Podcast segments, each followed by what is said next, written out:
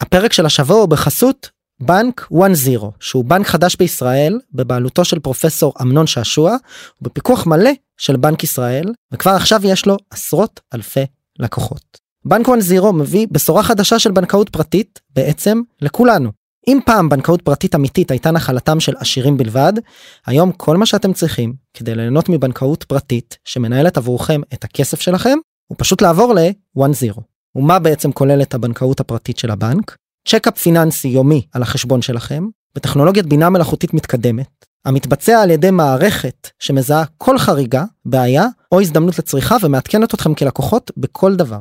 אתם גם תקבלו מנהלות ומנהלי כספים אישיים המנהלים עבורכם את הכסף שלכם וזמינים 24/6 כמעט 7 ופקדונות בריביות אטרקטיביות בישראל פטור מורחב מעמלות כולל עו"ש וכרטיס ואפילו עמלת מט"ח. ובקרוב מאוד בבנק גם תקבלו מסחר משתלם במיוחד בניירות ערך. הבנק לראשונה בישראל גם משנה את מודל התשלום ועובר לדמי מנוי. בדיוק כמו שאתם משלמים לנטפליקס, לספוטיפיי, תשלמו לבנק תשלום חודשי קבוע והוגן. 49 שקלים בלבד לחודש לחשבון פרטי ו-59 שקלים לחשבון משותף. ומה צריך כדי להצטרף? 10 דקות פנויות, הלינק ב description, דרך הנייד ומכל מקום, בהצלחה. אהלן מאזינות ומאזינים יקרים, כאן גיא קצוביץ' וברוכים הבאים לעוד פרק של עוד פודקאסט לסטארט-אפים. בפרק של השבוע זכיתי לראיין את פאבל גורביץ שהוא מנכ"ל ומייסד שותף חברת Guardicore, חברת סייבר שנמכרה במעל ל-600 מיליון דולר לחברת Akamai. דיברנו עם פאבל כרגיל על המסע היזמי ותחילת הדרך, על הקשיים ואיך הוא והצוות התאוששו מכישלונות מרובים ופידבקים רבים מהשוק עד שהם מצאו product market fit והתפוצצו בהכנסות לקראת המכירה ל Akamai. דיברנו איתו גם קצת על פילוסופיית היזמות שלו, איך הוא מאמין בלגייס את האנשים הכי טובים למשימה, לבנות DNA שקוף של דיון פתוח בין כל העובדים וכמובן לעשות תהליך איטרטיבי של קבלת פידבק מלקוחות כדי לשפר את המוצר והטכנולוגיה. כל זאת ועוד בפרק של השבוע, נשמח מאוד שתשתפו אם נהניתם ושתהיה לכם האזנה נעימה. עוד פודקאסט? עוד פודקאסט. עוד פודקאסט לסטארט-אפים.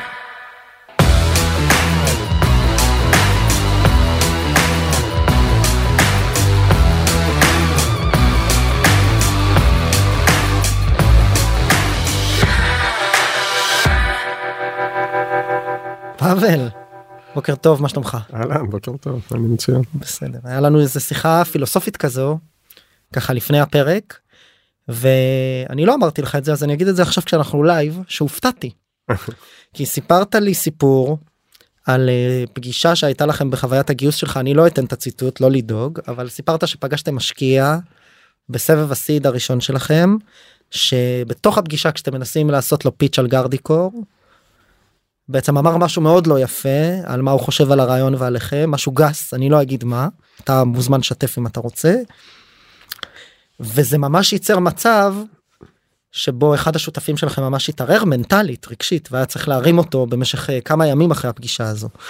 שני דברים אני רוצה להגיד על זה אחד מאוד הופתעתי כי בחוויה שלי אני עובד אה, בסטריאוטיפים קצת כמו כולם אני אומר יוצאי הרמ"ם והיחידות הטכנולוגיות מומחים בטכנולוגיה פועלים בעולם הסייבר יודעים מה הם עושים אמור להיות uh, פגישות יותר קלות לגיוס כסף. והדבר השני זה ההתמודדות הזו uh, או ההתייחסות הזו לחוויית הדחייה המנטלית שלא מדברים עליה הרבה בתחילת הדרך ואנשים לא מבינים שגם בסיפורי ההצלחה הכי גדולים זה כאילו נורא counter אינטואיטיבי אבל בסוף מבינים שזה ברור מאליו שגם אקזיט uh, של 600 מיליון דולר מתחיל בהרבה מאוד סירובים והרבה מאוד חוויות קטנות של כישלונות. איך אה, איך מתמודדים עם הכישלונות הקטנים האלה. אה, וואו אני חושב שזה המון שאלות אני אתן אני אתן כאילו קודם כל אתה אולי איזה, איזה פרספקטיבה על האירוע הנקודתי ההוא ואני אני אגיד א' כאילו אה, מה שקרה שם זה קודם כל תשמע הרעיון היה מאוד בוסר כאילו היינו מאוד מאוד התחלתיים היינו אז גם אני לא בטוח שהתשובה השלילית שקיבלנו הייתה בבסיסה מוטעית. אז זה דבר ראשון. דבר שני, מכיוון שנורא הערכנו את הבן אדם שפגשנו, כי הוא היה מוצלח ועם רקורד ועם רקע דומה אלינו ונורא מהיר וחכם ומנוסה, אז כאילו זה כאב יותר.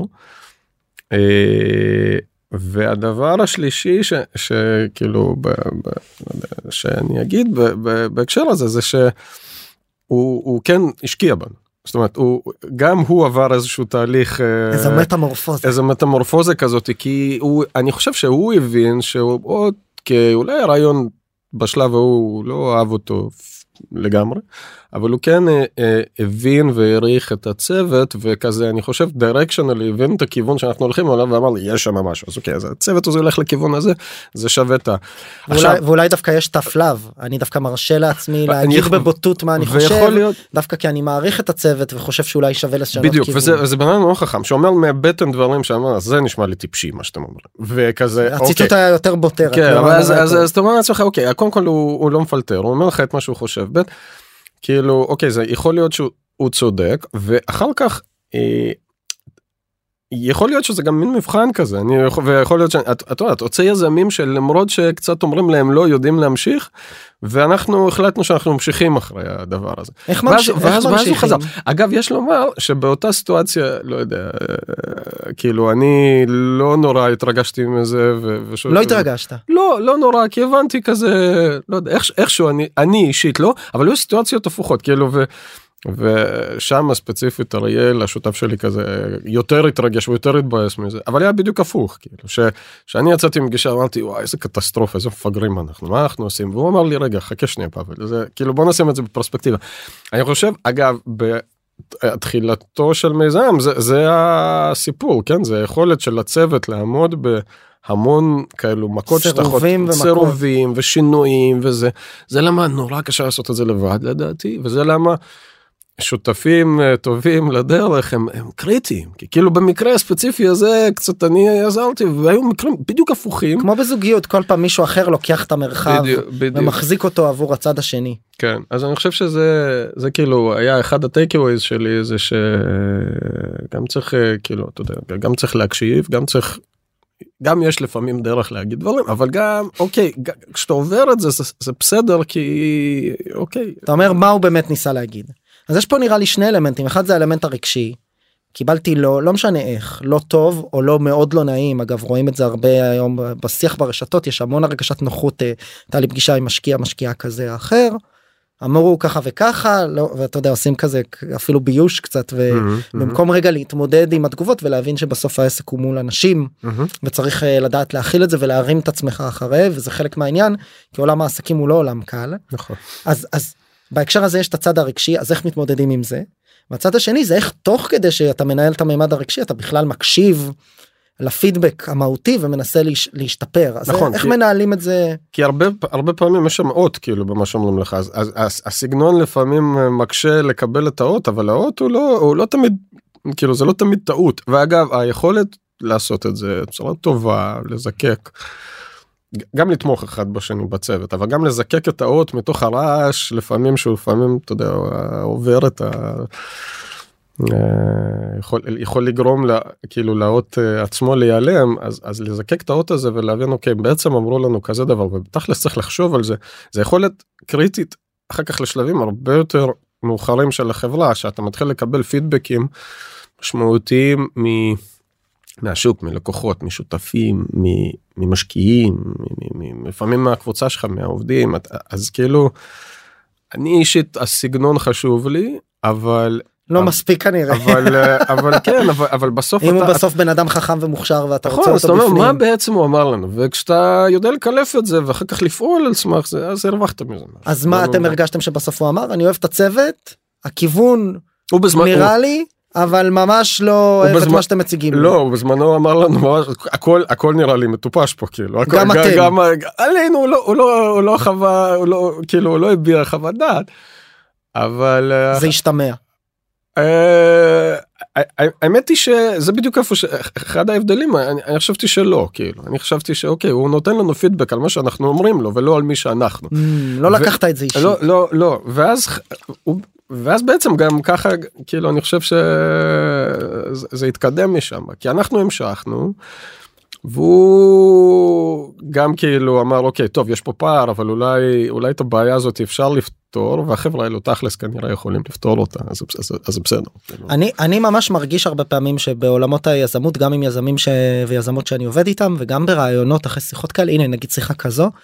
ממש גורם לי לחשוב על יזמות כסלח לי קצת על הקלישאתיות כסוג של זן.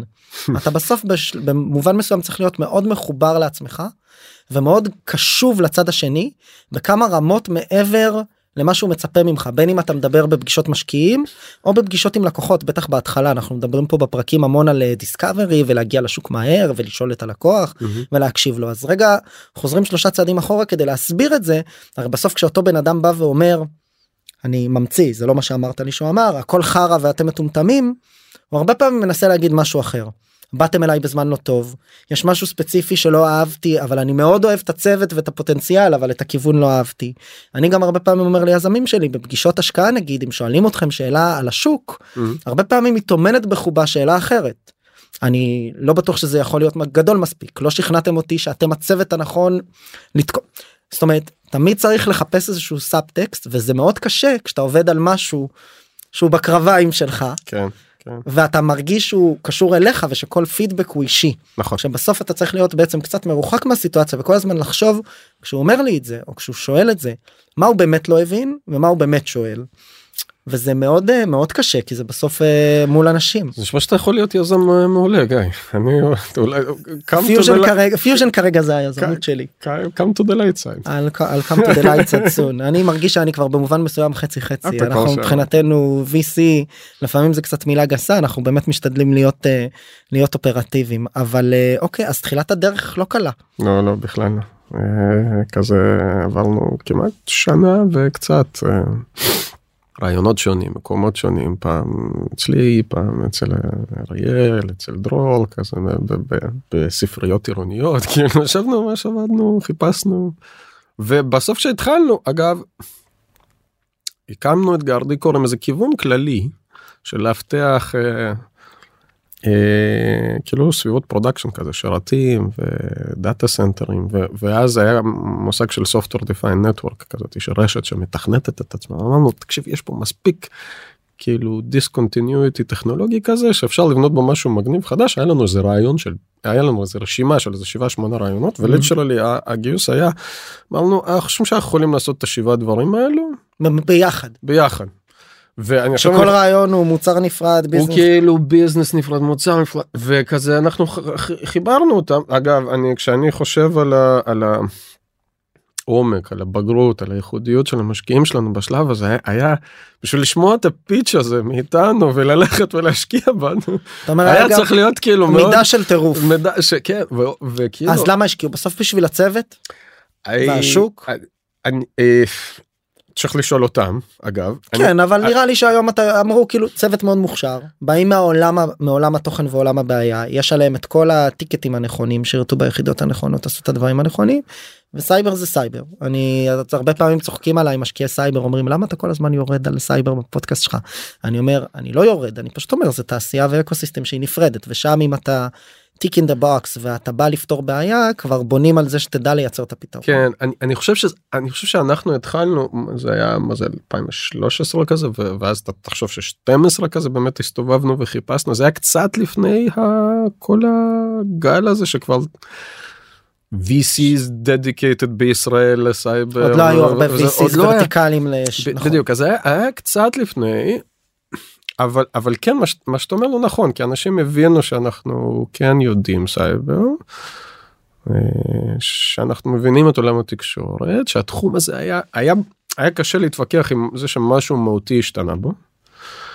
ונתנו לנו כזה הזדמנות להתחיל לבנות שם משהו וזה אתה יודע, זה די קסום בעיניי די ייחודי ולרגע אני חושב לא אה, לא הרגשתי שזה שזה משהו שכאילו מגיע לנו אני הרגשתי שזה שזה חברה שבאמת לקחו עלינו סיכון ואנחנו אנחנו ממש על הרעיון גם על על, הרעי- הרעיון. על הרעיונות על הרעיון על הצוות על הכיוון הזה ואני חושב שחלק מהם ואת זה אמר לי מתי שאודי ויינשטיין ו- ואופיר הם, הם לא שלוי שהש- שהשקיע בנו הם לא תמיד עשו את זה בשביל כאילו המודל של האנג'לים שהשקיעו בנו הוא לא מודל של אתה יודע אני צריך לעשות איזה IRR פנימי של ככה.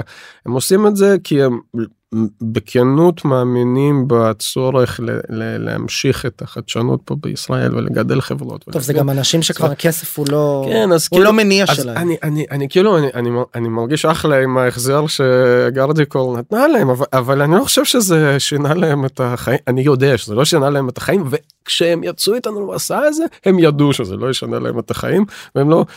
אבל הם עדיין השקיעו בנו המון זמן וסיכנו לא מעט ונתנו לנו ו, ואני חושב שלרגע אני לא לוקח את זה כ... כמובן מאליו. כמובן מאליו. כמה היה הסיבוב הראשון? אני מפחד לטעות אבל אני חושב שזה בערך. אחד אחד או אחד וחצי. מה שנקרא סיבוב אה, היום זה פרסיד. כן ואז אתה יודע פעם זה היה סיד. אז זה היה משמעותי כאילו זה היה וואו גייסתם מעל מיליון דולר יפה מאוד. ואתה יודע היה לנו איזה 50 שורות קוד ב Python ומצגת אבל בערך זה מה שהיה כאילו. בסדר בשנתיים ב-2021 ו-2020 היה אפשר לגייס גם בלי 50 שורות של Python כן, וגם אפשר- בלי מצגת אפשר לחזור לזה מתישהו על ה... על ה- על ה- אתה יודע, בטח שנדבר קצת על ה... על, ה, על מה שנקרא על שלהי התקופה. כן וגם קצת על האקזיט אז כאילו אני יכול יש לי איזה פרספקטיבה על הדבר הזה. אז תכף נדבר על זה אני רוצה דווקא להישאר בהתחלה על הגיוס. אמרתם שהיו לכם איזשהו סוג של אה, שבעה רעיונות קראת לזה או בוא נגיד יותר מכיוון אחד. כן. אני כן חושב שהסיפור של להתפקס הוא מעניין. כן. איך עושים את זה? הרי מיליון דולר וגם חצי מיליון דולר וגם אגב שבעה מיליון דולר בסיד גדול שאפיין את התקופה של השנתיים וחצי האחרונות בניכוי המיתון המתקרב ובא. כן. זה לא הרבה כסף. אני לא אומר את זה במובן המזלזל זה כסף שנגמר מהר אחרי שמעסיקים עובדים כן. וכוח אדם יקר נכון. זה בוא נגיד את זה ככה זה לא זה לא הרבה כסף נוכח אה, מבנה ההוצאות הצפוי מהמם. ובמ... ואתה צריך להעסיק אנשים לבנות פתרון שפותר בעיה מאוד מסוימת ולמכור אותו מהמם. ורצוי להגיע למטריקות מסוימות כי אחרת לא יהיה סיבוב הבא מהמם. ואתם בכלל לא התחלתם משם אתם התחלתם אה, מה שאתה טוען שהוא שבעה רעיונות אז איך בכלל קודם בוחרים את הרעיון כן זה זה אנחנו אוקיי זה מלא שאלות אה, לענות עליהם. אני- תתחיל מהראשונה אני- אני- או האחרונה. אני אבחר אני אני אני אני אנסה. אני, אה, מה שידענו זה את האזור שאנחנו רוצים להתפקס עליו. אגב לא השתנה עד עד כולל היום בתוך Akamai כאילו האזור הזה של להיות focused על סביבות אה, מחשוב כזה דחוסות על אה, הפעם היינו אומרים איפה שאתה נכנס וקר לך אתה שם מעיל בחדר שרתים כזה או ב data center היום זה הכל בענן אבל. כאילו אז אז אז כן התפקסנו באזור הזה ואז מה זה באזור הזה תחדד גם למי שקצת לא בא מהעולם הזה הסיפור היה זה הסיפור שאיך שאנחנו חשבנו עליו אגב בכלל שיצאנו מ-81 מתמר מכל האזורים האלו לא רצינו להיכנס לסייבר אנחנו רצינו אמרנו מספיק עם זה בוא נעשה משהו אחר ובוא נעשה תקשורת כאילו בוא נעשה נטוורקינג כי אנחנו מבינים בזה וזה מספיק קרוב אבל. אה, לא הצליח לנו כאילו נשאבנו בחזרה לאזורים שאנחנו מבינים וככה passionate לגביהם אבל אבל כשהתחלנו להסתכל על networking ראינו שכאילו הצ... היה שינוי מאוד גדול בעולם שבו שבו ציוד תקשורת עבר מלהיות אה, פיזי עם ASIC ים כאלו שאתה מתכנן אותם בונה כן. אותם ו- וסיליקון שאתה shipping. לסוויצ'ים יחסית גנריים שאתה יכול להוריד להם תוכנה יחסית מהר ואז אתה יכול לשנות להם את הפונקציונליות. אז אמרנו אוקיי זה מגניב עם זה אפשר לעשות אוסף של דברים זה ממש משנה כאילו בעולם התקשורת זה ממש fundamental כאילו אתה יכול לעשות עם זה מלא stuff ואז המלא stuff שלנו היה אוסף של רעיונות security. אז אמרנו אוקיי שמתלבשים על גבי התוכנה שיושבת על אותם שרתים כן, פיזיים יושבים ועושה יושב על מיני- שכבת ה switching כאילו על שכבת ה networking. אוקיי אז זה ממש על שכבת הרשת כן ממש על שכבת הרשת אבל ה-SDN ה-Software Defined Networking הקונספט הזה שאפשר לתכנת את הרשת הוא, הוא התחיל ברשתות אה, של data center ים ברשתות cloud כאלו כן. אז התפקסנו על זה ואמרנו אוקיי איזה התקפות איזה בעיות איזה פתרונות אפשר להביא לסביבה הזאת באמצעות היכולת כי החדשה מול הזאת. ה-SDN הזה לא רק אני יכול לעשות שינויים אלא גם תוקף חיצוני לצורך. נכון וגם ואתה יודע מה יש גם בעיות כאילו שקיימות מזמן מאז ומעולם ולא ידעו לפתור אותם בצורה אפקטיבית בלי הדבר אז חשבנו שעם SDN אפשר לפתור אותם. כמו מה למשל בעיות אה, אתה יודע כיפופי traffic למיניהם וה- והזנה ולא לא יודע העובדה שצריך כאילו בשביל להריץ חתימות על כל מיני התקפות להביא את כל התקשורת למקום אחד וזה יוצר צווארי בקבוק כל מיני דברים מהסוג הזה. ו, ו, אז בנינו כזאת רשימה ואמרנו יאללה בוא נלך נממש אותה נתמקד באזור אבל לא מתמקד ב feature זאת אומרת נלך ל data center לסביבות של שרתים ניתן שמה פלטפורמה של security כזאת עם, עם אוסף יכולות ונמכור את זה כאיזה סוויטה לאבטחת רשתות SDN. לימים כמעט שום דבר מזה לא לא היה נכון כאילו האיטרציה הראשונה הייתה כשהבנו בנינו את זה השקענו בזה לא מעט זמן הבאנו איזה אחרי הגיוס אחרי הגיוס הראשון הוכחת התכנות עבדנו אגב כאילו אני חושב שנה שנה וחצי עד שבכלל הוצאנו משהו. אה, גם אולי לא בונטון היום אבל אבל היה לנו ברור שהסביבות האלה מאוד רגישות מאוד אמינות צריך להביא לשם איזה משהו וגם רצינו גם משהו אמין וגם משהו שעומד בסקייל אבל גם רצינו לעשות משהו שירגיש שיש בו עומק כאילו שיש בו באמת אה, אה, עניין והדבר הראשון שהתחלנו ממנו זה דווקא, דווקא טכנולוגיה deception כזאת. שאם אנחנו רואים איזה חיבור ברשת והוא לא מצליח משהו חוסם אותו כזה היינו מכופפים אותו ב live מחברים אותו לאיזה honeypot היה שם קורה משהו היינו מנתחים את זה מראים את זה. תסביר רגע קצת אה. את אה, מה שסיפרת פה. אני בכל זאת אה, אה, מה שנקרא כאילו, משנות ינקותי ב-8200 אני מבין חלק. אה, אה, לא אני אפילו לא הכל. אתה יודע, מה, אני אפילו בטוח שזה נורא נכון, אבל לקחנו איזה טכנולוגיה מאוד מעמיקה, שאמרנו, אוקיי, אם יש תוקף בתוך ה data center אם אני מזהה איזה תנועה בתוך ה data center נגיד משרת לשרת שהיא לא מוצלחת, שהיא לא אמורה להיות שם בדיוק, אני מכופף אותה כלומר אני מסיט אותה משרת המקור שאמור להגיע לשרת היעד אני מסיט אותה משרת היעד ל honeypot honeypot זה בעצם מלכודת דבש שרת שלי כן, שאותה תנועה תחשוב שהיא השרת המקורי אותו שרת נאמן אני אתה רואה אני אפילו שאני קבר אני עוד מבין מצוין, ושם אני אוכל לבחון את התעבורה הזו בדיוק, ולראות האם זה תוקף או בדיוק. תעבורה אורגנית שאני צריך לאשר ולהחזיר אותה בחזרה. ואף אחד. בכלל לא מרגיש שזה קורה, זה כאילו קורה ב live, אתה אתה מנסה להתחבר לאיזה- לאיזה שרת, ומקבל- הכל real כאילו- time גם זה לא. בדיעבד זה- בדיוק. זאת אומרת אני מנטר בדיעבד ומעבר ובגלל זה אני צריך לנטר את כל התעבורה נכון, לזהות בזמן אמת שיש פה חריגה שיהיה לי honeypot מוכן בדיוק. להפנות לשם בדיוק, ולגרום למי שלתעבורה הזו להרגיש שהיא מדברת עם אותו שרת עם אותו שם בדיוק. עם אותם פרטים עם אותו. זה אבל לתחקר אותה בדיוק, אז, אז וזה הת- הדבר הזה שעשיתם הוא דאז חדשני לא בטוח- היה את זה בסביבות האלה. בטירוף לא היה אפילו קטגוריה או שם או שום דבר מהדברים האלו וגם וגם היכולת להעביר תקשורת ככה היה וזה מה שאפשר לנו לייצר את האינטראקציה הראשונה עם השוק. עם ממש לקוחות. אוקיי, וזה אבל- היה, את כשמדברים על השבעה רעיונות, זה כאילו היה- הזה, זה היה כאילו הלייר הראשון. זה היה הראשון והיה שם אחר כך עוד כאלו. שהוא. טומן בחובו הרבה דברים, הוא. טומן יכולת לנטר ולהבין מה קורה ולעשות analytics ולהחליט שיש אנומליה ולנתב אותה ו honeypot זה כאילו, ואחר כך לנתח אתה אומר. עיין ערך בגלל זה לקח לי שנה וחצי לבנות את זה. בדיוק אז אוקיי. אז אז היה נורא כאילו מסובך. זה לא תוכנת SaaS low touch עם אה, לינק ל Stripe בקצה. נכון, בדיוק, okay. אז, אז היה המון טכנולוגיה מורכבת מכל מיני סוגים, מכל מיני דיסציפלינות, כמו שאתה מתאר. אבל אז כאילו כשעשינו את זה, הדבר הראשון שהבנו שכל ה-SDN story הזה, כאילו אנחנו נבסס את זה על ידי סוויצ'ים שאפשר לתכנת, זה הדבר הראשון שזרקנו מהחלון. כי הבנו ש... אתה אומר זה בסוף לא עבד, לא, לא היה צריך את זה. לא, לא, לא, לא, לא, לא, לא. לא. לא. פשוט רצינו לדעת לספק את הפתרון deception to honeypot הזה לסביבות שגם לא היה בהם SDN. אז כזה זה התחיל מאוקיי אנחנו נשתמש בזה שאפשר לתכנת את הסוויץ' בשביל לעשות את זה ואז אמרנו אוקיי רעיון מגניב אבל אנחנו רוצים לדעת לעשות את זה גם בסביבות שאין בהם SDN. אז אמרנו אוקיי אנחנו עדיין מפקסים על שרתים אבל יכול להיות שאנחנו נייצר להם גם את התוכנה שמאפשרת להם את הניתוב בדיוק הזה. שאנחנו לא נהיה זאת תלויים אומרת עכשיו באיזה ההפרדה עולם בין של- יש SDN ל-NSDN זה אפשר יש היום תוכנה קיימת שאני מתלבש עליה ויכול לעשות את הניתוב הזה לבין אין תוכנה כזו אז אני גם מייצר אותה. אז אני אייצר אותה או משהו מקביל אליה שאפשר לעשות את האפקט הזה. אז אז כאילו אז ירדנו קודם כל כאילו ירדנו משבע לאחד אחר כך ירדנו מה, בסביבות SDN לאוקיי אתה יודע מה לא אכפת לי איזה סביבה יש לך. ואחר כך לימים זה גם העביר אותנו ירדנו מ deception אפילו. זאת אומרת זה הכניס אותנו אוקיי, וכן, לדיאלוג עם מעניין לקוחות. למה כי בדיאלוגים עם הלקוחות מה עלה. כי הם, זה, זה אפשר לנו להתקין ובתוך כאילו ה dashboard שהראינו היה שם המון ערך זה באמת נתן זה הראה הם אמרו. לא מעניין אותי deception מעניין אותי מה משהו אחר. אבל, אבל זה לא זה לא זה אגב לא היה כזה ככה הם אמרו לנו שמאיים אותם deception והם התקינו והם שילמו לנו והגענו לכל מיני לקוחות יחסית גדולים. אבל אנחנו אפרופו השיחה ההיא הצלחנו לזקק קצת אני חושב את האות הבא מהלקוחות שלנו ומעצמנו. א', אה, תקיפות זה נורא נורא מעניין לזה מה היה value proposition שלנו? שאם מישהו חדר לך ל data center אנחנו נמצא אותו. בסוף. בסוף.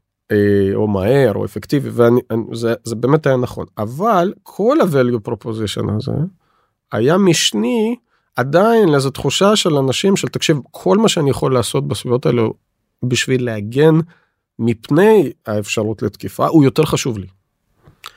אז כאילו בשלש, אתה יודע, בפירמידת מאסלו של הצרכים של האנשי אתה סקיורטי אומר אתה בא אליי בקצה כשכבר יש תוקף. בדיוק. בוא, בוא תמנע ממנו להיכנס. בוא תמנע ממנו מלהיכנס ו- ו- או להתפשט ואז זה לא קצת מתסכל שאתה בונה שנה וחצי מוצר לאיתור תוקפים בתוך רשת ואז אומרים לך ואתה גם מבין עזוב זה בכלל שלב ב' שלב א' זה בכלל לייצר להם שכבת הגנה לפני. אגב אגב יש לו א' כן זה קצת מתסכל ב' כאילו הם לא בדיוק גם אומרים לך את זה במילים האלו אתה צריך לת... אתה צריך כי הם אוהבים את הטכנולוגיה.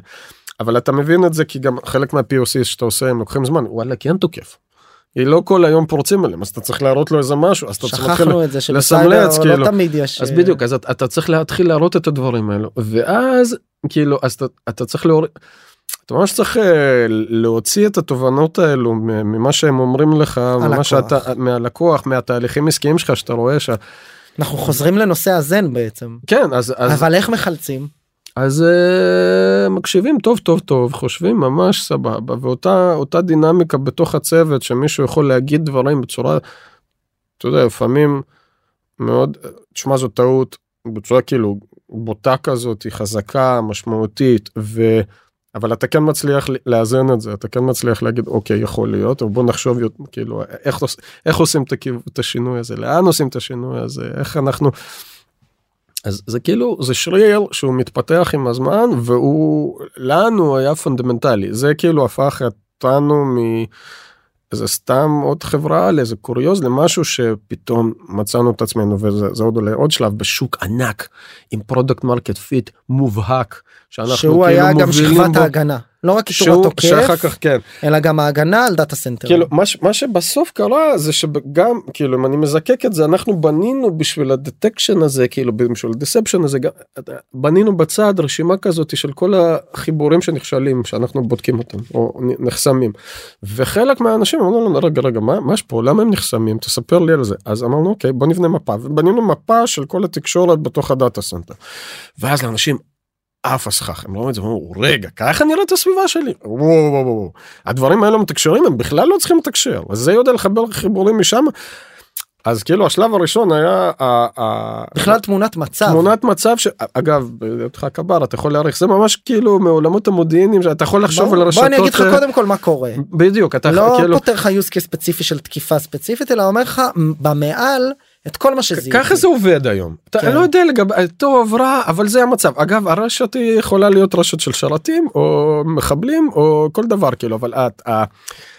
התמונה הזאת היא פונדמנטלית קראנו לזה ריביל וזה תפס וזה ממש היית יכול לראות אנשים.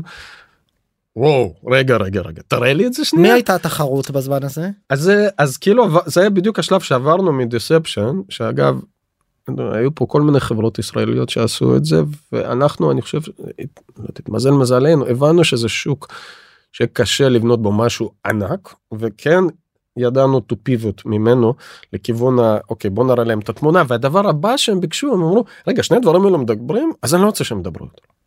אתה יכול לחסום לי את זה? ועכשיו תהיה ממש ה control panel שלי אבל עם actionable בדיוק אז, אז תראה לי את הגרף ומשם תבנה policy ואנחנו כזה אוקיי מעניין רגע חזרנו כזה אה, לשולחן השרטוטים ואמרנו טוב אז, אה, אז אני רק רוצה לחדד אני עוצר אותך בכוונה שכל דבר כזה של טוב מישהו אמר לי שהוא רוצה ככה אז חזרנו לשולחן השרטוטים ובנינו.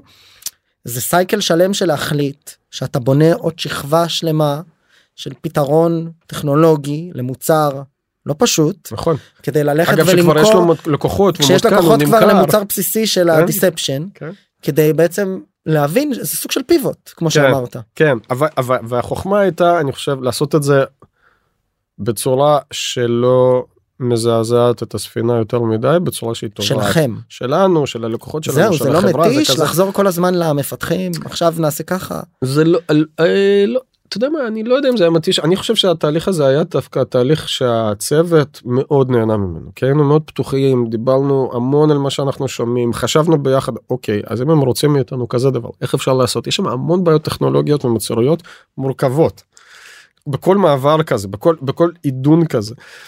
אה, ו- ו- והתמזל מזלנו היה לנו צוות שהיה ממש צמא והיה ממש טוב וככה הייתה גם דינמיקה טובה של לבנות דברים ביחד ואז כאילו חזרנו אמרנו אוקיי אז הם רוצים שנשלוט להם ב traffic כאילו זה קצת firewall כזה אז אוקיי אז איך עושים את זה.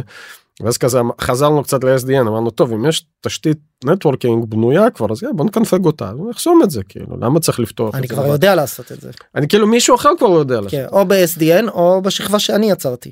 זה היה כאילו הצעד הבא אה, להגיד אתה יודע מה אוקיי, לא הפכת אכפת לי. מ-SDN ואז כשאתה אומר לעצמך אוקיי אני לא רוצה להסתמך על תשתית של מישהו אחר אני רוצה לעשות את זה בעצמי אז יש לך אוסף של מקומות שאתה יכול לעשות את זה אתה יכול לעשות את זה על ה switch אתה יכול לעשות את זה על איזה hypervisor אתה יכול לעשות את זה בתוך השרת כאילו. ואז אמרנו אוקיי איך ייראה העולם בעתיד הוא יהיה cloud public הוא יהיה cloud on-premise כזה כאילו. private cloud עצור, אז עצור, כאילו אני בחרנו עוצר את אותך, המבנה הזה. אני עוצר כן, אותך, אתה סליחה. נורא, אתה, אתה יודע את זה, אתה נורא חכם, לא אומר את זה בשביל להתחנף, אני לא מתחנף למרואיינים, אני גם אומר להם שהם אה, לא חכמים, סתם. אוקיי. אתה מ- פה אמרת משהו שאני חייב אה, לשבת עליו, כי באותו זמן אתם עובדים על אה, חוות שרתים, ואז אתם אומרים שזה, אגב, גם ה cloud, בסדר, הכל בסוף קורה איפשהו, מהמם. יש, יש חוות שרתים גם בעולם שבו אנחנו עברנו לענן שעבורנו הוא מהמם. וירטואלי, מהמם, אבל אמרת איך יראה העולם, הכל יעבור ל cloud. מהמם. זו תובנה שהיא לא הייתה טריוויאלית בזמנו. אג- אה, נכון אתה כאילו מציג את זה, אה, כן, איך אמרנו, זה, זה, העולם יעבור ל cloud, טטטי טטטה, יהיה בסדר. זה בסוף prediction, שהוא לא טריוויאלי, כן אני חושב וקלטתם. את- אתה יודע אני לא בט- אז אה, זה לא היה ברור כמו שזה היום. אה, אני חולק עליך זה היה ברור אה, זה היה בון טון כבר בשלב הזה זה נניח אתה אומר בשלב אה, הזה זה לא לא. המצאנו שום מה דבר. שהיה לא ברור אגב זה מהמם. בדיוק ההפוך. זה שהמעבר הזה למרות שהוא בלתי נמנע והוא חד משמעית קורה מהמם. כמה תשתיות יישארו עוד ב... כאילו ב... ב... ב... ב...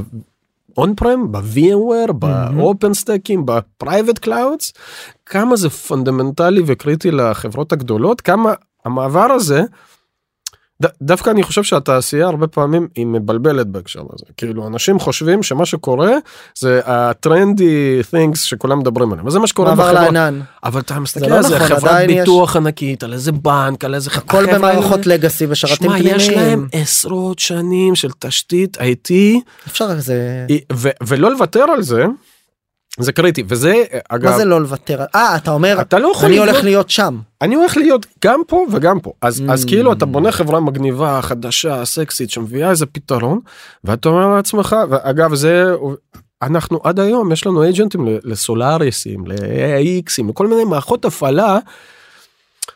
שכאילו אתה יודע אפילו לא יצא לי לתכנת עליהם אף פעם כי הם כל כך עתיקות אבל צריך להבין שהעולם של בהיינד של ה enterprise הוא עולם ארכיאולוגי זה כמו תל כזה כאילו אתה יודע אתה הייתה לנו אנלוגיה פעם שאמרנו איך עולם המוזיקה היה הוא עבר כזה מ.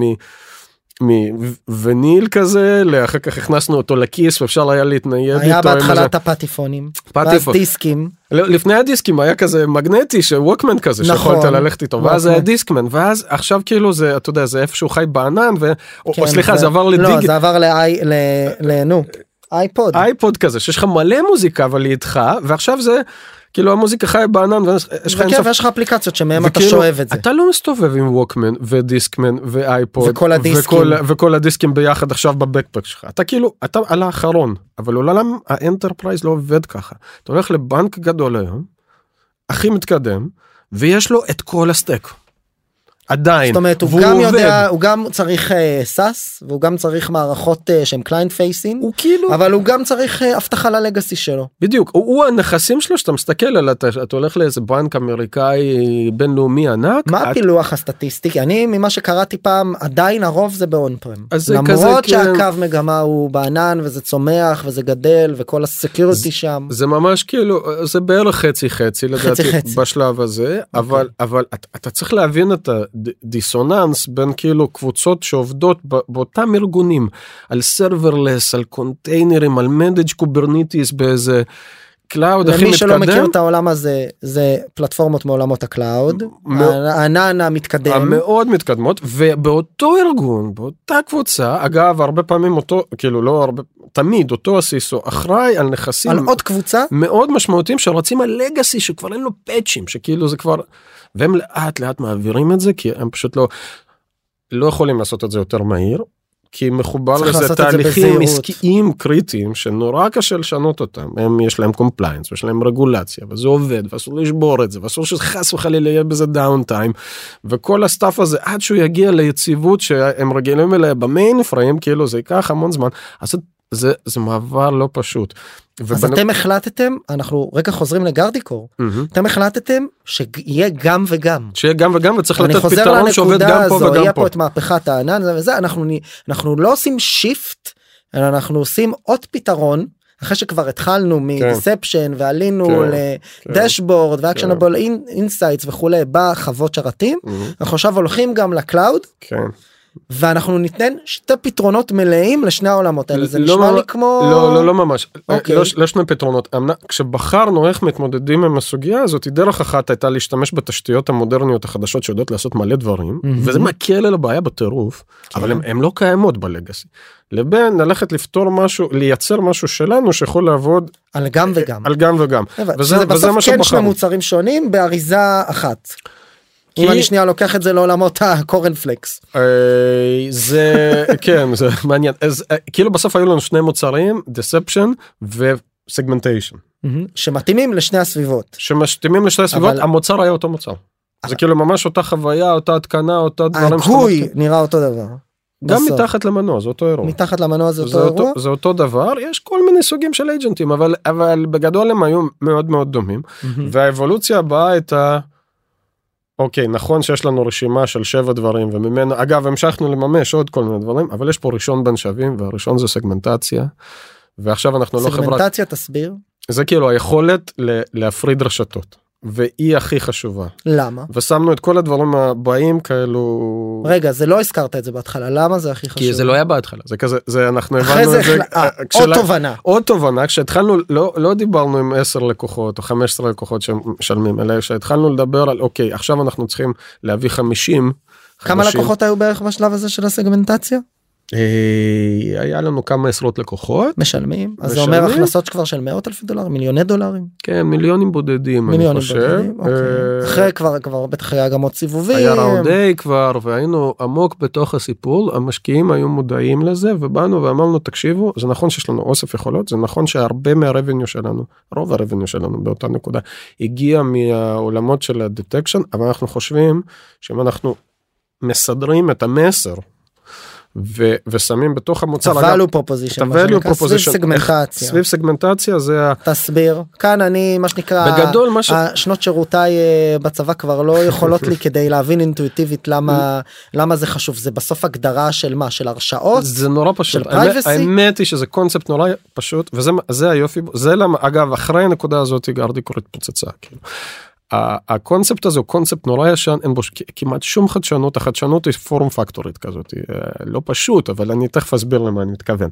הרעיון הבסיסי הוא יש לך רשת אה, ואתה צריך לחלק אותה לחתיכות יותר קטנות כדי שאם בחלילה משהו ייכנס תוקף או חולשה בהגדרה ה spread שלו יהיה מוגבל יהיה בדיוק contained. אתה, אתה containing אותו זה, זה כזה אתה יודע, הרבה פעמים הראינו כזה תמונה של צוללת שאומרת אוקיי אתה, אתה מתחת למים ויש לך איזה יש לך איזה breach שזה אה, כאילו איזה, איזה חור ב... כן, אז ונכנסים לך מים אתה טובע. אתה אתה רוצה אתה רוצה להכיל את זה אז אתה רוצה לבנות סגמנטים בתוך הרשת שלך. אה, זה קונספט שבעולם ה security אבטחת המידע עוד לפני הסייבר הוא פונדמנטלי הוא מוכר הוא ידוע הוא חלק והוא לא מ compliance היה בעולמות ה cloud וה mainframe? הוא היה תמיד והוא מומש תמיד על ידי אפליינסים. מה זה אומר? היה היית צריך כאילו אתה יודע היית צריך להביא קופסה של כל חברות ה firewall למיניהם מ Check Point שלנו ל Palo ל Fortinet ל Cisco שהם כאילו שחקן firewall גדול מאוד. שאתה מחבר עליו חוטים אתה תוקע אותו באיזה ריק על- מעל איזה שרתים אתה מחבר עליו חוטים מנווט עליו את התקשורת ובונה בו פוליסי של אה, למי מותר להתחבר לאן ופיזית אוכף משהו נכנס משהו או יוצא או אתה לא לא יוצא. יכול לעשות את זה וירטואלית. בדיוק אז זה היה כאילו זה היה פתרון הוא היה קיים מאז ומעולם זה שוק של מיליאר, מיליארדים רבים של אני חושב זה 12 15 מיליארד דולר. אבל כשאתה כאילו לוקח אותו לשלב הבא של, של עולמות ה... אתה יודע הסופטוור של הענן של איך בנו ארגון היום הוא כבר לא כך עובד אתה לא יכול לעשות את זה בחומרה.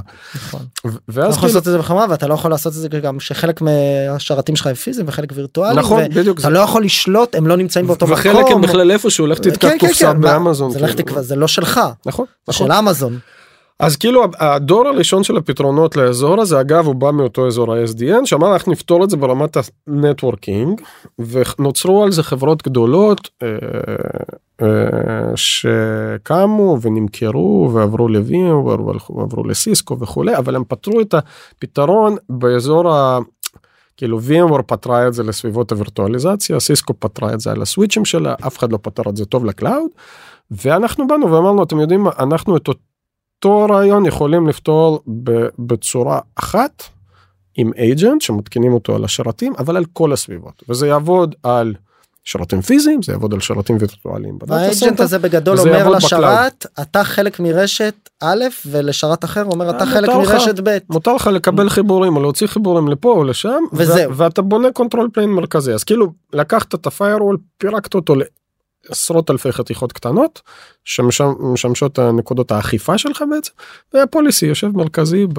ואז אתה יכול גם להגדיר מחר רשת אחרת. נכון בדיוק, עיין ערך סגמנטציה. בדיוק ואז, ואז כאילו זה, זה, זה מה שמאפשר לעשות סגמנטציה בצורה קלה. וזה מעבר למתודולוגיה שנשמעת ברורה ומובנת אני רק מנסה להבין סליחה שאלה של אדיוט בהיי לא היה לא לא היה בצורה הזאת היה כאילו איזושהי יכולת לפיירול מקומי על שרת אבל הוא לא היה מנוהל על אם יש לך אם אתה ארגון גדול ויש לך- השכבה המתודולוגית הזאת שהפיירוול הזה מתקשר לא במרכאות עם עוד עשרות פיירוולים אחרים בתוך הרשת לא קיים. ויודע להתחבר אליהם ולהגיד אנחנו עכשיו אותו פיירוול של אותה רשת. נכון. וגם לשדר את הכל לשרת על מקומי ששולט על ששולט על הכל לא היה. לא היה ו- וזה היה הפיצוץ זה היה- החיובי. היה, היה, כאילו בנינו את זה ואז הבנו שזה שווה ואז התחלנו לשווק את זה ולמקצב את עצמנו סביב זה. ופה הרגשנו שנכנסנו לאוקיינוס כחול שבו יש לנו פתרון תוכנה מדהים לבעיה שכולם מבינים לכולם יש תקציב אליה אנחנו פשוט עושים את זה יותר טוב. היה לנו איזה מתחרה אבל היה לנו שוק ענק ללכת אחריו ומשם זה פשוט היה אתה יודע כמו על איזה rocket ship כזה עם המורכבויות של זה אבל אה, מורכבויות של scale. מורכבויות של scale של של של אבל- וממש בנינו קטגוריה שלימים כאילו הוכ- ה- ה- ממש אה, בתחילת השנה השנה הזאת 2022 אתה- יצא wave של Forrester ואנחנו כזה ב top right זה כאילו זה ממש מאוד אה, מספק. מספק. זה התחיל מקונספט וזה פתרון שונה אגב ניסו אותו בעבר בצ- בצורה אחרת וזה אף פעם לא הגיע לרמה הזאת ועכשיו זה הגיע וזה ברור לכולם שזאת הגישה המנצחת ברור לכולם שזה נדרש ברור לכולם שזה מה שעושים ואנחנו עכשיו באיזה מין שלב adoption כזה wide scale שכולם קונים כאילו. אני הולך אה, לשאול שאלה שאני מתכנן לשאול אה, הרבה בזמן הקרוב אה, מרואיינים שלי ומרואיינות יזמים ויזמות על execution כן. נשמע לי שבסוף סיפ- סיפרת סיפור מאוד יפה עשיתם נראה, נראה לי שגם תיארנו פה timeline ש, שעובד בסדר זה make sense התחלנו עם איזשהו רעיון הלכנו שחררנו משהו לשוק למדנו עשינו איטרציות התרחבנו גדלנו בסוף יש פה הרבה יכולת ביצוע מהמם. גם היכולת להגיע לשוק מהר במעט כסף סיד של מיליון דולר היום זה כמו שאמרנו זה חצי פרסיד מהמם. אפילו פחות תכף נגיע גם לזה. וגם היכולת הזו כל הזמן לדבר עם הלקוחות לשמוע ולהבין וללכת ליישם מוצרים שהם לא מוצרי סופטוור בשכבה העליונה של אה, מודל 7 עד 9 שכבות תלוי אה. על איזה מודל אתה הולך איתו אלא הם גם יורדים לעומק מהמם. ועולים בחזרה מהמם. ואחרי זה לשחרר אותם ושזה יעבוד ושזה יימכר ושזה יגדל זה בסוף. אחרי כל הסיפורים היפים שסיפרת לי אני שומע עשינו את זה ממש טוב כן, בלי עכשיו ואז רגע ואז אני שואל כאילו. ואז אני שואל כן. מה נראה לך כשאתה מפרק את זה? מה עבד שם? ב execution או מה היו כללי המפתח שהנחו אותך בתרבות ובניהול של החברה בגיוס האנשים אני זורק דברים תבחר מהם כן. אה, בפיתוח המוצר בהקשבה ללקוחות בבניית הטכנולוגיה היו שם כמה guidelines שאתה אומר במבט לאחור כמובן זה תמיד חוכמה שבדיעבד אני מחבר את זה זה עזר לנו לעשות execution טוב כן כאילו יש בזה זה גם זו שאלה סופר מסובכת ויש בה המון אה, אבל אני אני אבחר כמה כאילו אולי אזורים להתייחס אליהם. obviously הדבר הראשון הוא כאילו הוא, הוא היכולת לגייס אה, זה הצוות כאילו אה, אנשים. אה, אה, אנשים עכשיו כשאני אומר את זה double click על זה אני חושב שהצוות הראשון שכאילו הקים את החברה הצוות טכנולוגי אתה מכיר את עופרי ועוד כן, כל מיני חבר'ה שהיו שם. עשרים לו דש. הוא, כן, הם כאילו הם חבר'ה ב-top of their class בכל דבר. וההתחלה הזאת אפשרה לנו אחר כך לגייס אנשים נוספים ברמה הזאת. אה, הרבה מאיתנו באנו מאות- בהתחלה מאותם אזורים כאילו ב- ב- בצבא ביחידות ואנחנו קבוצה כזאת שהלכה תקופה והולכת תקופה ביחד. מקווה שנמשיך. אבל גם כאילו אפשר לנו להביא אנשים מבחוץ כי הבנו שאוקיי לתוך הדבר הזה צריך לעשות איזה infusion של של ידע של שוק של scale של. אה, אז אז קודם כל כאילו לגייס אנשים ממש ממש טובים לא להתפשר על זה כי זה אחר כך מגדיר כאילו את הבאים והדבר השני זה לתת להם לעשות את העבודה שלהם וקצת כאילו להוריד את הידיים ואני חושב, ואני חושב שכאילו קצת בתור יזם. לא יודע זווית האישית שלי אני זה היה אני כאילו זאת העבודה הראשונה שלי אחרי צבא. זה היה המאבק. אני, אני לא אני לא אני לא ידעתי לבנות. ש, ש, היינו שלושה יזמים דרור סלי אריאל צייטלין ואני.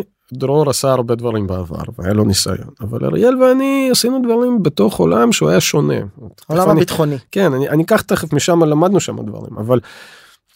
אבל לדעת שאוקיי צריך לגייס אנשים ממש ממש טובים צריך לשאול אותם שאלות. צריך, אבל צריך לתת להם לעשות את העבודה כי הם מומחים לנושאים האלה ו, וככל ש... כי הבאת אותם בגלל זה. והם אמורים להיות יותר טובים ממך. קל לממש את זה מ-day one כשעוד אין מוצר אתה בסוף כן אתה כן צריך להיות מעורב בידיים זה לא נראה לי שזה יותר נכון לשלבי הסקל אני בכוונה מקשה. זה מעורב כי לא יודע אם קל אבל כן זה חד משמעית אה, היה נכון מהיום הראשון ובוודאי עד לימים המתקדמים. בעיית האיך פותרים כאילו איזשהו משהו טכנולוגי עמוק מוצרי כזה versus בעיית האיך עושים scale של אה, תוכניות distribution עם, עם ריסלרים כאילו ה-core בהם הוא להבין אוקיי מה ה-span של האופציות שלנו פה? מי יודע לתת אותם לתת אותם? ולבחור. ולדעת לבחור איתו ולתמוך בו אחר כך. אתה אומר קצת אה, אני קצת לוקח את זה כדי לתת אה, דוגמה יותר טנג'בילית יותר ממשית מהספר של נטפליקס על ניהול מקונטקסט ולא מתעשה ככה וככה.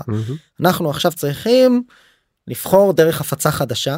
כן. זה הקונטקסט והנה גם קווים מנחים לתקציב שלך הזמן וכדומה עכשיו לך ותעשה אתה תביא את האפשרויות ותבחר את תמליץ על הפתרון. כן ואני חושב שתמיד מאוד ניסינו זה תשמע אגב אה, כן אה, כולם תמיד יש דעות גם גם גם לי וגם למנהלים אבל אני חושב שהדעות הם דעות אבל יש אנשים שאחראים על הביצוע של זה וצריך לתת להם לעשות את זה וצריך לתמוך בהם. אז אנשים הדבר היחיד שאני חושב שאנחנו חי- היינו חייבים לספק ו- ו- ועשינו אותו.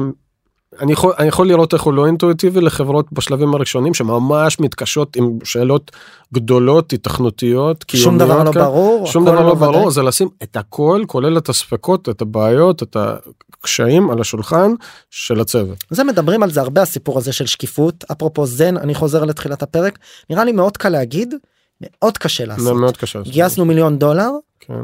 ואין לנו יש אה, בתוך ה-accelerator בפיוז'ן אני אספר את זה כי זה חשוב וזה גם ככל שהזמן עובר זה מוכיח את עצמו יותר אנחנו הופכים את היזמים לסוג של אה, קבוצת תמיכה וגם נותנים לחברות פורטפוליו אם אתה מכיר את הפורומים של YPO בונים להם פורומים כאלה מביאים מדריך הם. נפגשים פעם בחודש כל המנכ"לים לארבע שעות מהמם, אנחנו מארגנים את זה אבל לא באים מהמם. כי אנחנו משקיעים שלהם ולא רוצים אה, לשתף אותנו אנחנו סומכים על זה שהם מגלים בפורום דברים שאסור לנו לדעת. ובעצם אנחנו מייצרים להם סוג של קבוצת תמיכה אז אני בתוך האקסלרטור כשחברות כבר גייסו השקעה ומתקבלות אז נותנים להם את הכלי הזה כשאנחנו כן מנהלים אותו ואחרי זה כשהם מסיימים את התוכנית הם יוצאים לפורום של הבוגרים. מהמם. ושם אני אומר תמיד במפגש הראשון אתם יכולים גם להגיד עכשיו גייסתם מאיתנו את ההשקעה שבוע שעבר זה בסדר היו מקרים שבן אדם בא ואמר בתוך הפורום גייסתי את הכסף האמת אין לי מושג מה אני עושה מהמם. כל הסיפור סיפרתי לא נראה לי מהמם. ואתה מגלה שם כל כך הרבה דברים מהמם. ובשלב בהתחלה זה מאוד מרגש וכיף אה, לספר את זה גם לפאבל בפודקאסט אבל אני כבר בנקודה אולי זה סימן לא טוב אבל אני חושב שכן שאני כבר אומר וואלה זה טבעי. כאילו זה ממש בסדר אני לא חושב שיש משהו שמישהו יוכל להגיד בפורום כזה שיפתיע אותי השותפים רבים המוצר לא באמת עובד לקוחות עזבו ועד לרמה של אנחנו לא בטוחים שהכיוון שלנו שעליו גייסנו השקעה לפני שבועיים הוא נכון. כן, כן. אני לא חושב שיש משהו שיכול להפתיע אותי אבל אבל זה לא פשוט אתה רואה את המאמץ ואת המאבק של היזמות והיזמים האלה מצד אחד להחזיק פרסונה. ולהראות שהם יודעים מה הם רוצים כן. ולדחוף קדימה ומצד שני להשאיר מקום לספק ולשאלות אה, בריאות. איך, איכשהו אנחנו אה, זה בכנות אף פעם לא היה לנו פורום תמיכה כזה וגם אם היו לא אני- ס- נתתי אנחנו- את זה אנחנו כדוגמה היינו- נראה אני לי לא, אני מבין. שעשיתם את זה באופן אה, זהו, אצלנו זה- אורגני. זה היה אורגני זה היה פורום תמיכה שלנו זאת אומרת הקבוצה הייתה זה היה צוות זאת הקבוצה עם כל הספקות עם כל המורכבויות עם כל הבעיות ואני חושב שזה גרם לכולנו להרגיש מאוד engaged מאוד כאילו באמת חשבנו על זה ביחד וזה עדיין כאילו ככל שניתן אנחנו עדיין מנסים לעשות את זה. פשוט הבעיות קשות הן מצריכות כל אתה יודע ג'ויל של אנרגיה כל כל כל כל קצת שכל שאתה יכול לאסוף סביב הבעיות האלו אתה חייב להביא אותו לתוך הסיפור. אתה לא יכול לבד. אתה לא יכול לבד. אז אנשים ובאמת השקיפות הזו והדיון הפתוח סביב הבעיות. ברמת האקסקיושן שנייה אל מול ההקשבה ללקוחות כי נשמע לי שיש פה process שהוא קצת יותר מורכב ממה שאני רגיל לראות של ממש מתוך הדאטה ומתוך ההתפתחות הטבעית של המוצר לחזור ולעשות פיבוט ולהרחיב ולעבור מ-on prem ל-cloud ולהשאיר את זה בשני העולמות. היה שם איזה process מסודר או שזה קרה אורגנית בתוך החברה? לא אני חושב שזה קרה אורגנית אה, בתוך החברה אני לא בטוח שהיה פה איזשהו process מסודר אני חושב שאנחנו. אה, אגב גם עוד משהו מכיוון שזה כזה מוצר enterprise שהרבה אין שם אלפי משתמשים גם הדאטה. כאילו אין לך איזה סטטיסטיקה שמובילה אותך. כן, זה ל- גם מי שלא ל- למד לתוך- סטטיסטיקה זה לא big data קבוצת המדגם קטנה היא מאוד אי אפשר קטנה. להסיק אה, מסקנות חותכות. בדיוק והעומק שם הוא, מש, הוא משמעותי ו, ודווקא כאילו זה קצת עולם של פעם כזה של אבל enterprise sale זה הרבה פעמים ה-insight אתה מקבל כאילו אתה יודע בארוחת ערב אחר כך עם הבן כן, אדם כן. וממש להתחבר ולשאול אותו מה, מה כואב לך ומה ה-priority שלך ומה אתה זה ואיפה אני עוזר לך ואיפה אני יכול כן. אולי לא וכאילו זה זה כן, יכול- התחקור הזה הדיסקאברי הזה הוא- המתמשך הוא בדיוק, חשוב. הוא חשוב והוא לפעמים ממש נעשה in person והוא נעשה מול הלקוחות והוא נעשה מול האנשים שלך אחר כך שעובדים מול הלקוחות מול... וזה יכולת אה, שצריך ממש ממש לפתח אותה ולעבוד לפתח עליה ולשמר. ולשמר והיא היא לא טריוויאלית אגב אני חושב שבעיקר בארץ שאנחנו אוהבים לדבר קצת יותר לפעמים מלהקשיב. זה זה ממש אה, כן אבל יש את. הביטוי יש לך פה אחד ויש אה, שתי אוזניים. בדיוק אז, אז אה, אז כנראה זה- שתקשיב יותר מאיש הזה אני רוצה לסיום במעבר חד כי אנחנו צריכים לסיים עוד מעט כן. לשאול על האקזיט ואולי מתוך זה גם לשאול על תנאי השוק קצת. אה, בכל זאת עשיתם את המכירה הזו מכירה מאוד משמעותית מהמם. משנה חיים אני מניח נדבר על זה אם תרצה. בתקופה שבה הרבה חברות עשו סיבובי ענק ויצאו להנפקות ולספאקים מהמם. אני מניח שזה אפשר אתה יודע כמו דיברנו קצת על עסקה אחרת של חברת סייבר אחרת לא נזכיר אותה אה, פה בפרק כדי לא זה שהיה חברה שרצו לקנות קנו חברה אחרת תמיד תמיד יש אלטרנטיבות על השולחן כן. כי היה אפשר בטוח לעשות גם סיבוב או ללכת להנפיק למה למכור אה, אגב זה נושא סופר כאילו אה, טעון אה, אצלנו כי החברה טעון פנימית פנימית אפילו כאילו פנימית. יש כאלה שאומרים מה למה מכרת למה מכרנו זה, זה אני אגיד לך למה וחלק מהאנשים שממש אה, אתה יודע, שותפים למסע עובדים לא, לא הבינו את זה ואז מה, לא בטוח מי צודק כאילו החברה מאוד הצליחה. ו... מאוד הצליחה זה מה עשרות מיליוני דולרים של מכירות כן כן כן עשרות עשרות רבות וכל שנה הכפלנו את עצמנו וגם בשנה של המעבר שהיא השנה כאילו.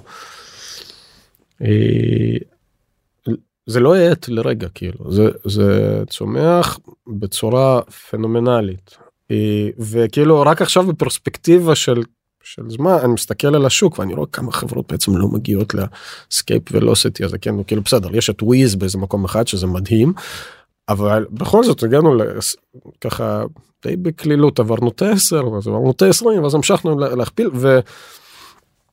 אה, ובשנה ש... שמכרנו את החברה היה ברור שיש product market fit חזק מאוד המודל העסקי של לקיחת הטכנולוגיה לשוק הייתה היה מובן והיה מנותח והיה לו מחיר ואלו יעילויות מובנות. היה ברור שאנחנו מובילים בשוק.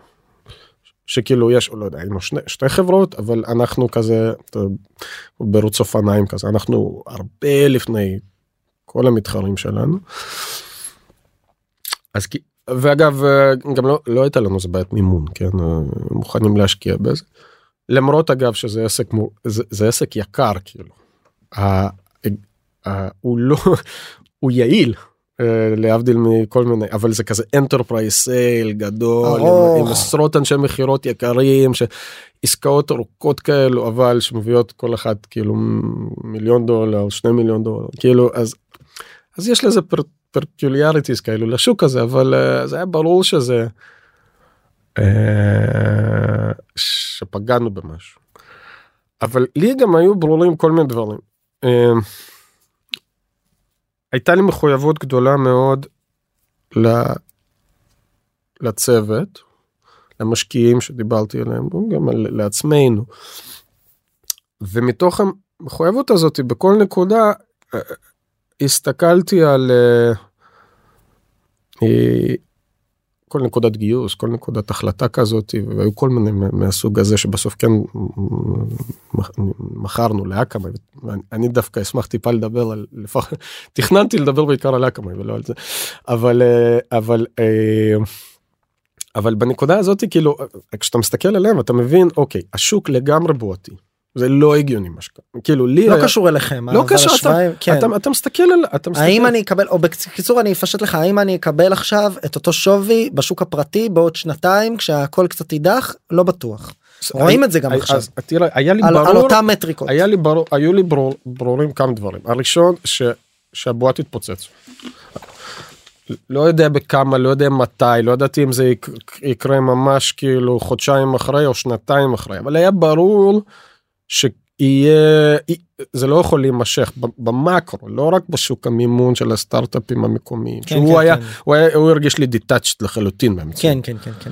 אה, אז היה ברור שזה שיהיה איזשהו downturn כזה כאילו בין recession ל downturn וא' ב' היה לי ברור שאתה מסתכל על חברות שמנפיקות עכשיו אני לא רוצה לעשות הכללות אבל כשאתה מסתכל על חברות טובות למשל Sentinel שהנפיקה המספרים שבהם מנפיקים היום הם לא זה לא איזה 100 מיליון. חברות enterprise סייבר infrastructure כאלה מגיעות עם כמה מאות מיליוני דולרים של מכירות אז היה ברור לי שגם בקצב שהלכנו בו הוא קצב טוב.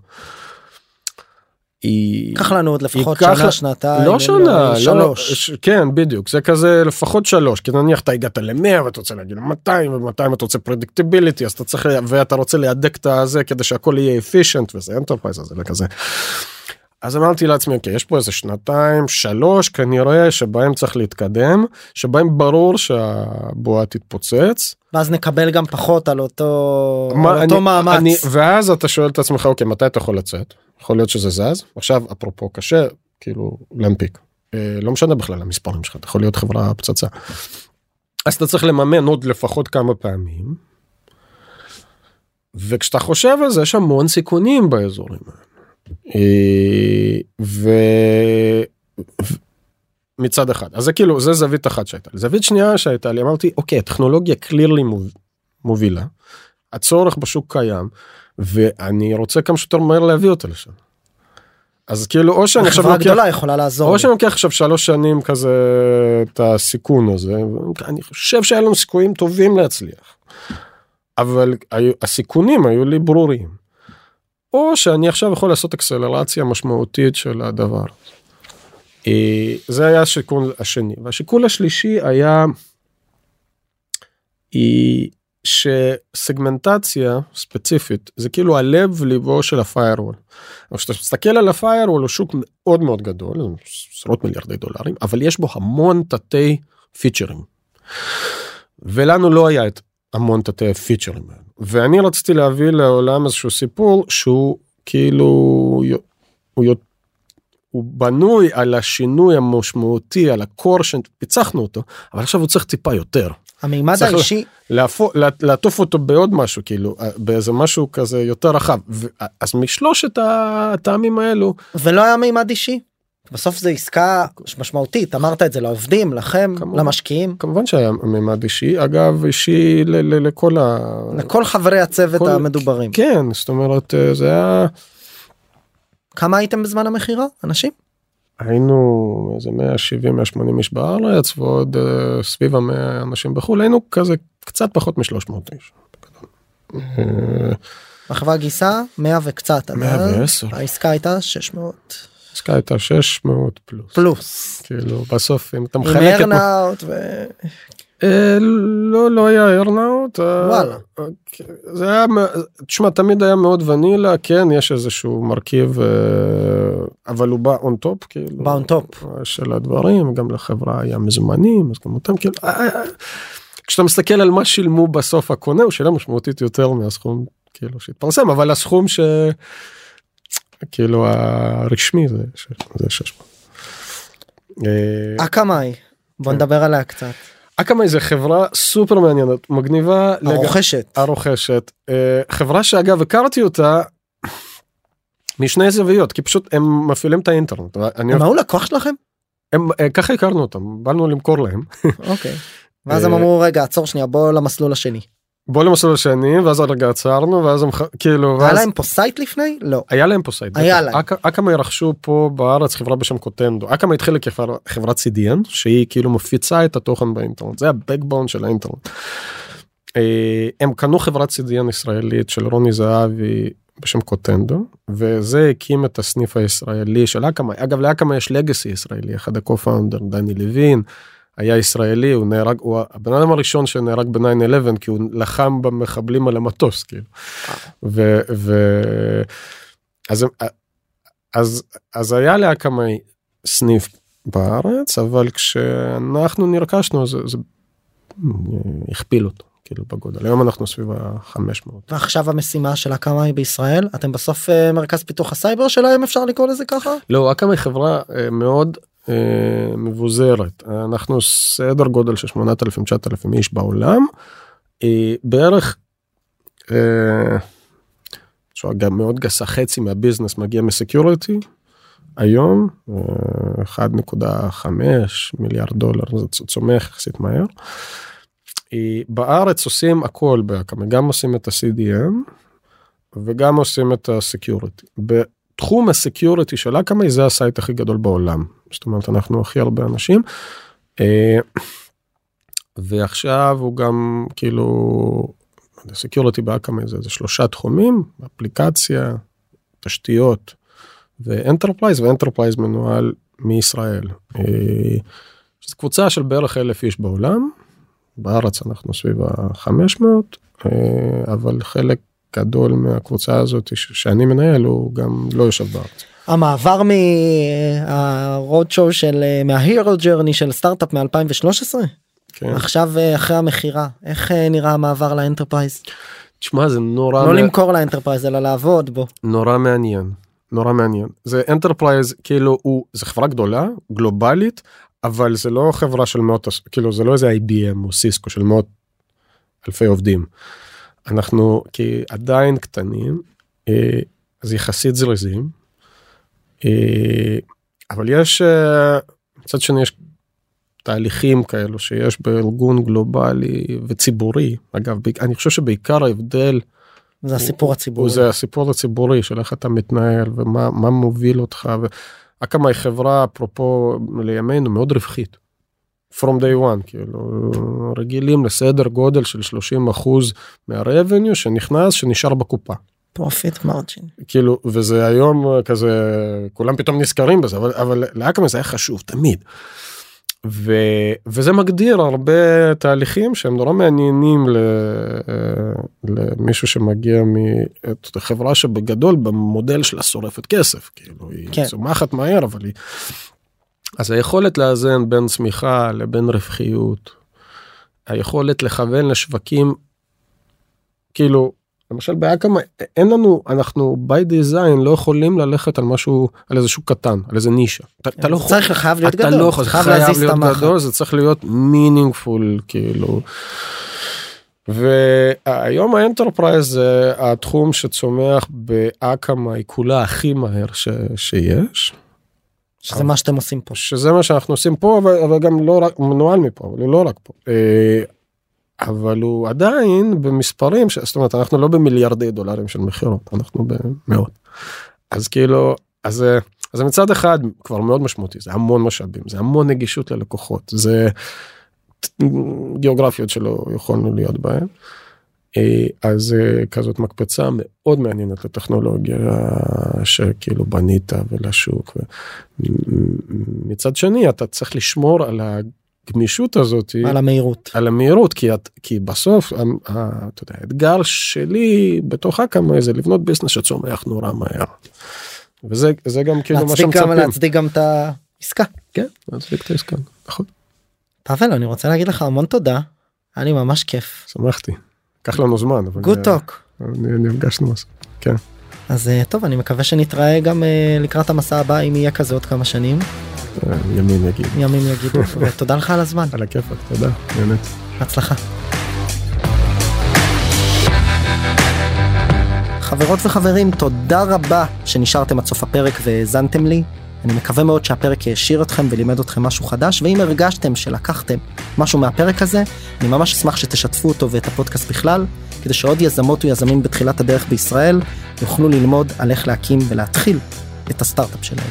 אם אתם רוצות ורוצים לשמוע עוד פרקים אני מזמין אתכם להירשם למעקב כל הלינקים למעקב אחרי הפודקאסט שלנו מופיע בדסקריפשן וכמובן אתם מוזמנים לפנות אליי או בלינקדאין או באינסטגרם ולספר לי איך נהניתם מהפרק ומה למדתם או סתם לכל בקשה ותהייה גם הלינקים האלה מופיעים אצלנו בפודקאסט. תודה רבה ונתראה בפרק הבא.